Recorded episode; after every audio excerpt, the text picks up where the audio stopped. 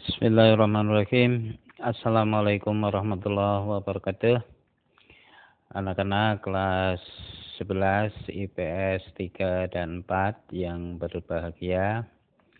Mengawali pembelajaran pada hari ini, mari kita bersama-sama memanjatkan puji syukur kepada Allah Subhanahu wa taala bahwasanya kita pada hari ini kita dapat melaksanakan kewajiban-kewajiban kita dan selalu berdoa mudah-mudahan kita selalu mendapatkan ridhonya dan dalam keadaan sehat walafiat sehingga insya Allah kita menjadi insan-insan anak-anak yang berguna bagi diri sendiri, keluarga maupun negara dan agama kita.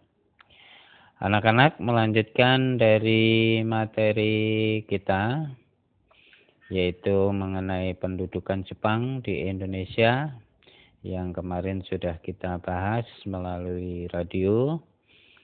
Hari ini kita akan melanjutkan materi kita tentang kekuasaan Jepang di Indonesia di mana kita dihadapkan dengan adanya penjajahan yang dilakukan oleh Jepang terhadap rakyat Indonesia, respon bangsa Indonesia terhadap pendudukan Jepang.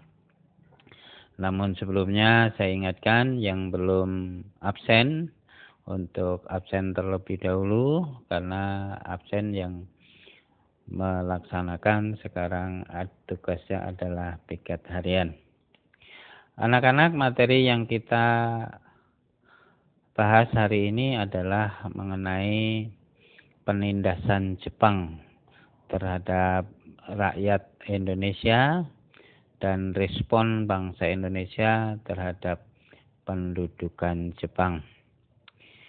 Bicara mengenai penindasan oleh Jepang yang tentunya kita sudah sering mendengar bahwasanya pada masa pendudukan Jepang di mana ekonomi diarahkan untuk kepentingan perang sehingga disebut dengan istilah ekonomi perang di mana segala kegiatan ekonomi dilakukan untuk kepentingan perang di Asia Timur Raya dan supaya di sini perekonomian dari bangsa Indonesia bisa membantu kepentingannya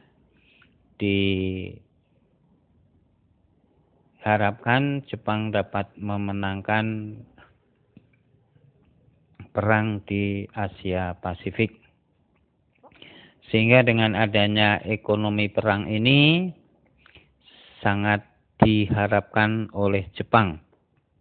Karena dengan ekonomi perang ini Jepang bisa menguasai dan memperoleh sumber bahan mentah terutama minyak bumi yang diperlukan untuk melanjutkan perang. Kemudian yang kedua adalah memotong garis suplai musuh yang bersumber dari Indonesia.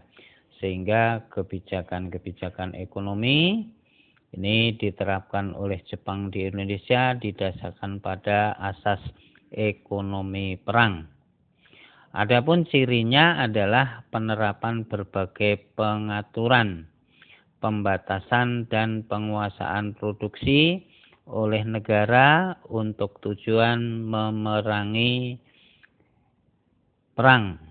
Konsep ini berarti pemerintah Jepang harus menguasai seluruh sektor ekonomi yang meliputi sektor produksi dan lalu lintas perdagangan.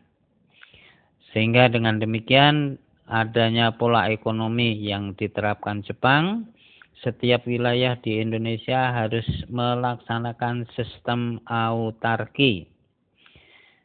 Ini yang perlu kalian ketahui, sistem autarki itu apa? Sistem autarki adalah setiap daerah harus memenuhi kebutuhannya sendiri serta harus dapat memenuhi kebutuhan perang.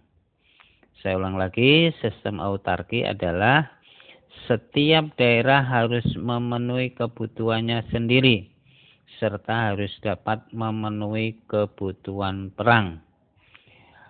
Dengan adanya pembagian ekonomi ini, Jepang membagi Pulau Jawa menjadi 17 autarki. Ya, 17 wilayah. Sedangkan Sumatera menjadi tiga autarki dan tiga autarki di lingkungan Minseifu atau wilayah yang diperintah Angkatan Laut.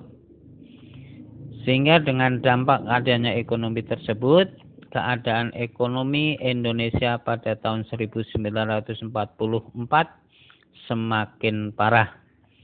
Di beberapa tempat terjadi kekurangan sandang dan pangan. Akhirnya hal tersebut disiasati dengan pengerahan barang dan menambah bahan pangan yang dilakukan oleh Jawa Hukukai, Nakyu Kumiai atau Koperasi Pertanian dan instansi-instansi pemerintah lainnya. Kemudian untuk meningkatkan produksi pangan, pemerintah Jepang menganjurkan agar rakyat membuka lahan-lahan baru Anjuran tersebut berdampak buruk untuk hutan di Indonesia. Pemerintah Jepang menentukan kuota beras yang harus diserahkan sebagai setoran wajib.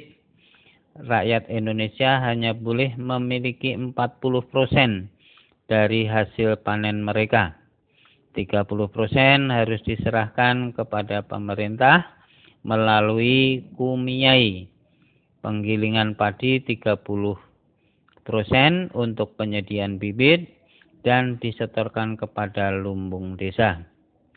Dengan adanya sistem ekonomi perang ini, penderitaan rakyat Indonesia semakin bertambah saat Jepang memerintahkan penanaman pohon jarak. Inilah yang perlu kita pahami mengenai kondisi ekonomi pada masa pendudukan Jepang yang disebut dengan sistem ekonomi perang. Saya ulang lagi, di sini ada beberapa istilah yang perlu kalian ketahui. Di antaranya adalah ekonomi perang, sistem autarki, kemudian adanya kumiai. Ini adalah dampak yang pertama. Kemudian yang kedua adalah pengendalian di bidang pendidikan dan kebudayaan.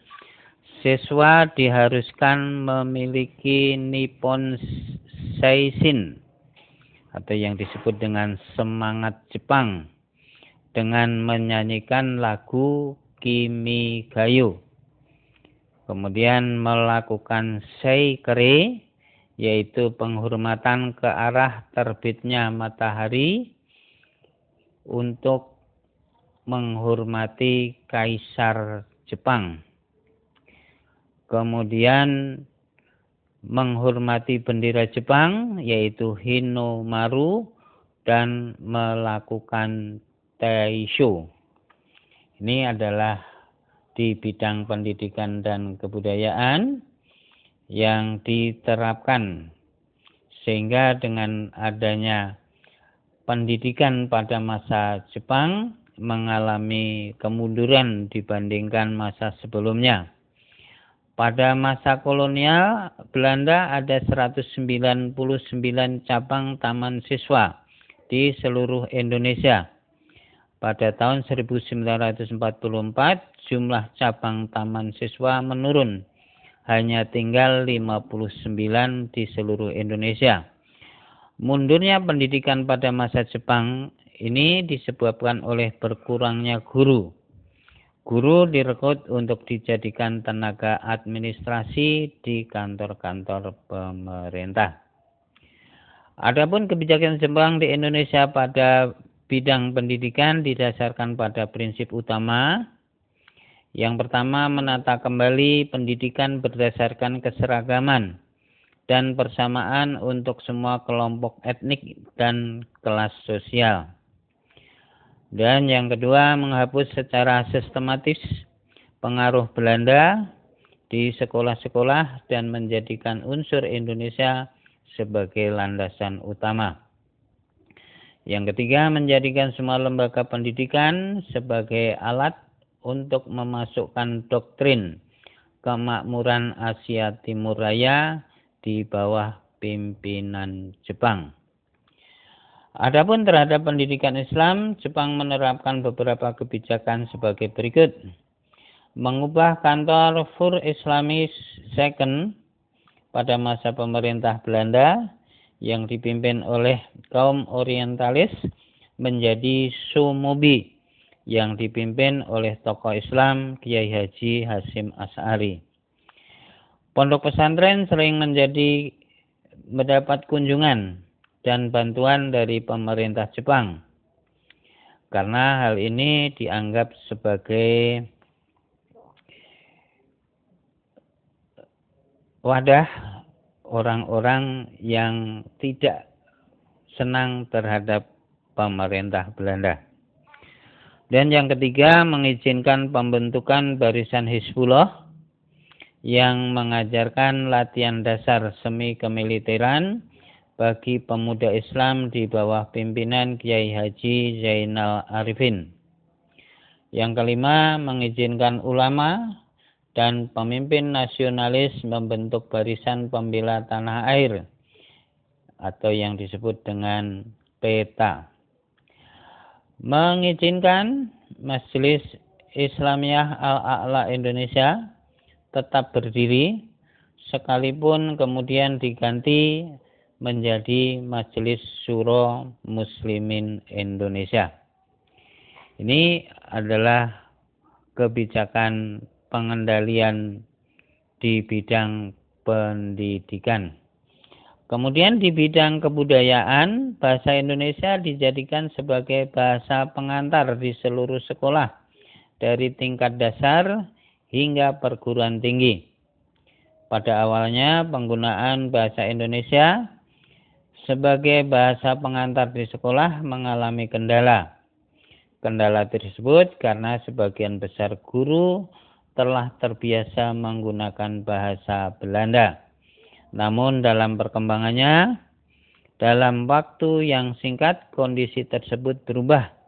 Guru-guru terdidik dalam sistem Belanda dengan cepat menyesuaikan diri. Kemudian yang berikutnya adalah adanya kebijaksanaan di bidang sosialnya adalah adanya pengerahan Romusa di mana kebijakan ini adalah merupakan kebijakan kerja paksa yang berlaku pada masa pemerintahan pendudukan Jepang. Dan Romusa ini kalau kita ketahui pada masa Belanda disebut dengan istilah Rodi. Ini dengan adanya Romusa ini tentunya menjadikan penderitaan rakyat Indonesia lebih parah lagi karena dengan adanya Romusa ini ya harus ditentukan usianya antara 16 sampai 45 tahun dan membentuk Badan Rekrutmen Romusa. Badan tersebut memiliki cabang-cabang hingga di desa-desa. Setiap kepala desa harus mengeluarkan tenaga kerja sesuai daftar yang dibuat oleh Jepang. Dengan demikian adanya pengerahan Romusa berdampak pada struktur sosial masyarakat. Banyak pemuda desa yang meninggalkan desa karena takut dijadikan romusa. Orang-orang yang tinggal di desa hanya kaum perempuan dan laki-laki tua. Oleh karena itu, tidak ada pemuda yang mengerjakan sawah. Dampaknya hasil pertanian pun menurun. Ini adalah dampak dari kegiatan-kegiatan di bidang ekonomi, pendidikan dan kebudayaan, serta sosial. Kemudian bagaimana dengan perkembangan respon bangsa Indonesia terhadap pendudukan Jepang? Di sini terjadi beberapa perlawanan yang dilakukan oleh beberapa tokoh rakyat Indonesia terutama di sini terjadi perlawanan rakyat Aceh. Perlawanan ini dipimpin oleh tokoh yang bernama Tengku Abdul Jalil dan Teuku Hamid. Latar belakangnya adalah adanya pelaksanaan Syaikri dan Romusa. Kita ingat kembali, Syaikri adalah sebuah upacara untuk menghormati kaisar Jepang dengan cara membungkukkan badan ke arah matahari terbit yang di sini dianggapnya perbuatan ini adalah sebagai perbuatan yang musyrik yang untuk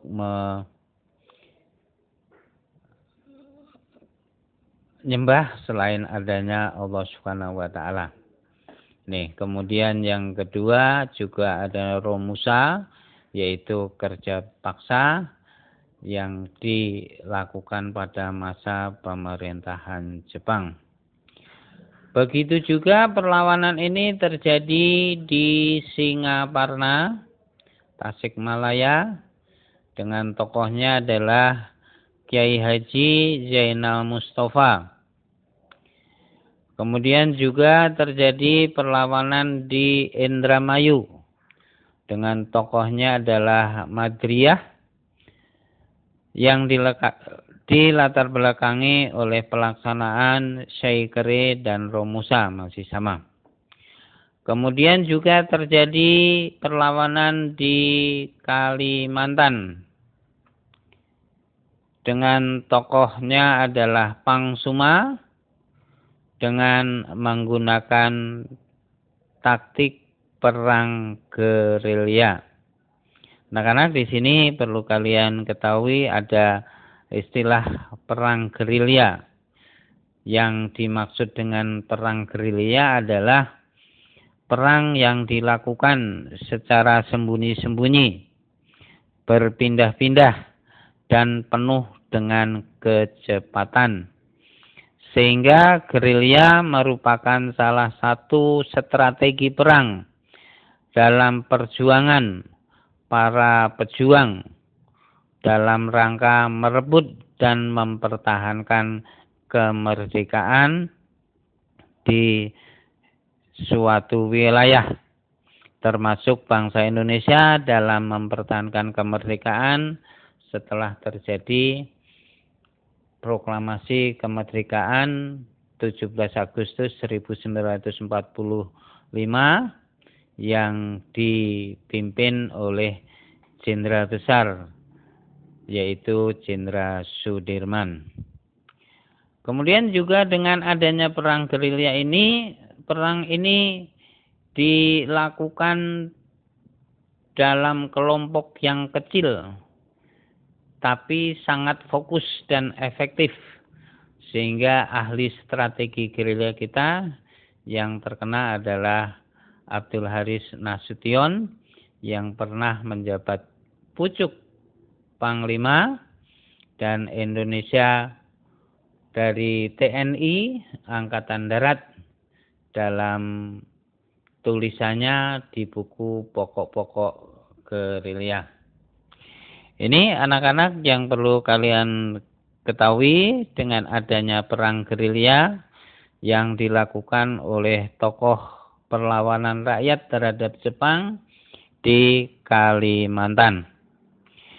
Kemudian juga perlawanan terhadap Jepang terjadi oleh rakyat Papua. Ya. Dengan tokohnya adalah Silas Papare di mana perlawanan ini mendapat bantuan persenjataan dari tentara sekutu. Kemudian juga terjadi perlawanan di Blitar, Sidoarjo, ya di Blitar, Jawa Timur, dengan tokohnya adalah Sodanso Supriyadi dan So dan So Muradi.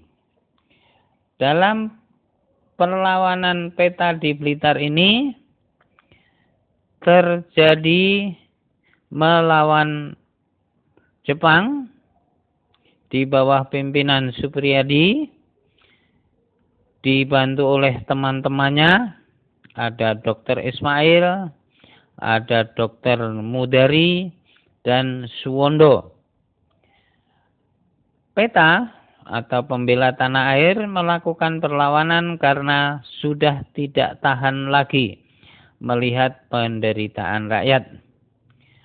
Perlawanan ini juga disebabkan oleh persoalan-persoalan pengumpulan padi Romusa dan Heiho yang dilakukan secara paksa di luar batas peri kemanusiaan. Perlawanan di Blitar ini benar-benar mengejutkan Jepang karena banyak tentara Jepang yang ada di Blitar terbunuh. Terlebih lagi pada saat itu Jepang terus-menerus mengalami kekalahan di dalam perang Pasifik di Asia Timur dan Asia Timur Raya. Taktik yang dilakukan Jepang untuk mengepung, mengepung kedudukan Supriyadi, tetapi pasukan Supriyadi mengadakan perlawanan. Setelah itu Jepang melakukan suatu tipu muslihat dengan menyerukan agar para pejuang menyerah saja dan akan dijamin keselamatannya serta akan dipenuhi segala tuntutannya. Tipuan Jepang tersebut ternyata berhasil dan akibatnya banyak anggota PETA yang menyerah. Pasukan PETA yang menyerah mendapat hukuman mati seperti Ismail dan kawan-kawannya. Di samping itu juga ada pula yang meninggal karena siksaan Jepang. Inilah terjadinya peperangan di beberapa wilayah di Indonesia untuk tetap kita pahami bersama bahwasanya dengan adanya pendudukan Jepang, bangsa Indonesia tidak mau menyerah begitu saja dan beberapa tokoh untuk melakukan perlawanan-perlawanan terhadap Belanda, eh, maaf terhadap Jepang. Kemudian dengan adanya pendudukan Jepang di sini kita perlu memahami juga bahwasanya di dalam bidang politik ya dalam bidang politik Jepang mengubah istilah tatanan pemerintahan kemudian juga banyak tokoh Indonesia dilibatkan dalam pemerintahan Jepang di Indonesia sekali lagi saya ulangi dampak pendudukan Jepang di Indonesia di bidang politik. Yang pertama, Jepang mengubah istilah pada tatanan pemerintahan. Yang kedua, banyak tokoh Indonesia dilibatkan dalam pemerintahannya Jepang di Indonesia. Kemudian dampak di bidang sosial, budaya, dan ekonomi. Jepang menjadikan bahasa Indonesia sebagai alat komunikasi. Yang kedua, banyak surat kabar yang menggunakan bahasa Indonesia sebagai bahasa pengantar. Dan yang ketiga, mobilisasi massa yang dilakukan Jepang semakin menjauhkan rakyat Indonesia dari kemakmuran. Kemudian dampak di bidang pendidikan, kualitas pendidikan semakin menurun karena tingginya kebutuhan tenaga kerja. Kemudian dampak di bidang militer adalah adanya pembentukan peta yang bermanfaat bagi perkembangan kemiliteran di Indonesia. Demikian anak-anak dampak dari yang perlu kita ketahui dampak dari pendudukan Jepang di mana saya ulang lagi dampak di bidang politik, di bidang sosial, budaya dan ekonomi, bidang pendidikan, bidang militer.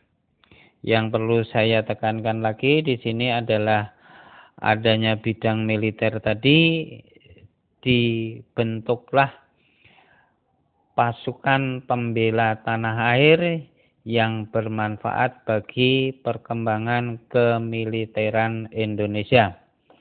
Di mana dalam hal ini perlu kalian catat bahwasanya peta resmi berdiri pada tanggal 3 Oktober 1943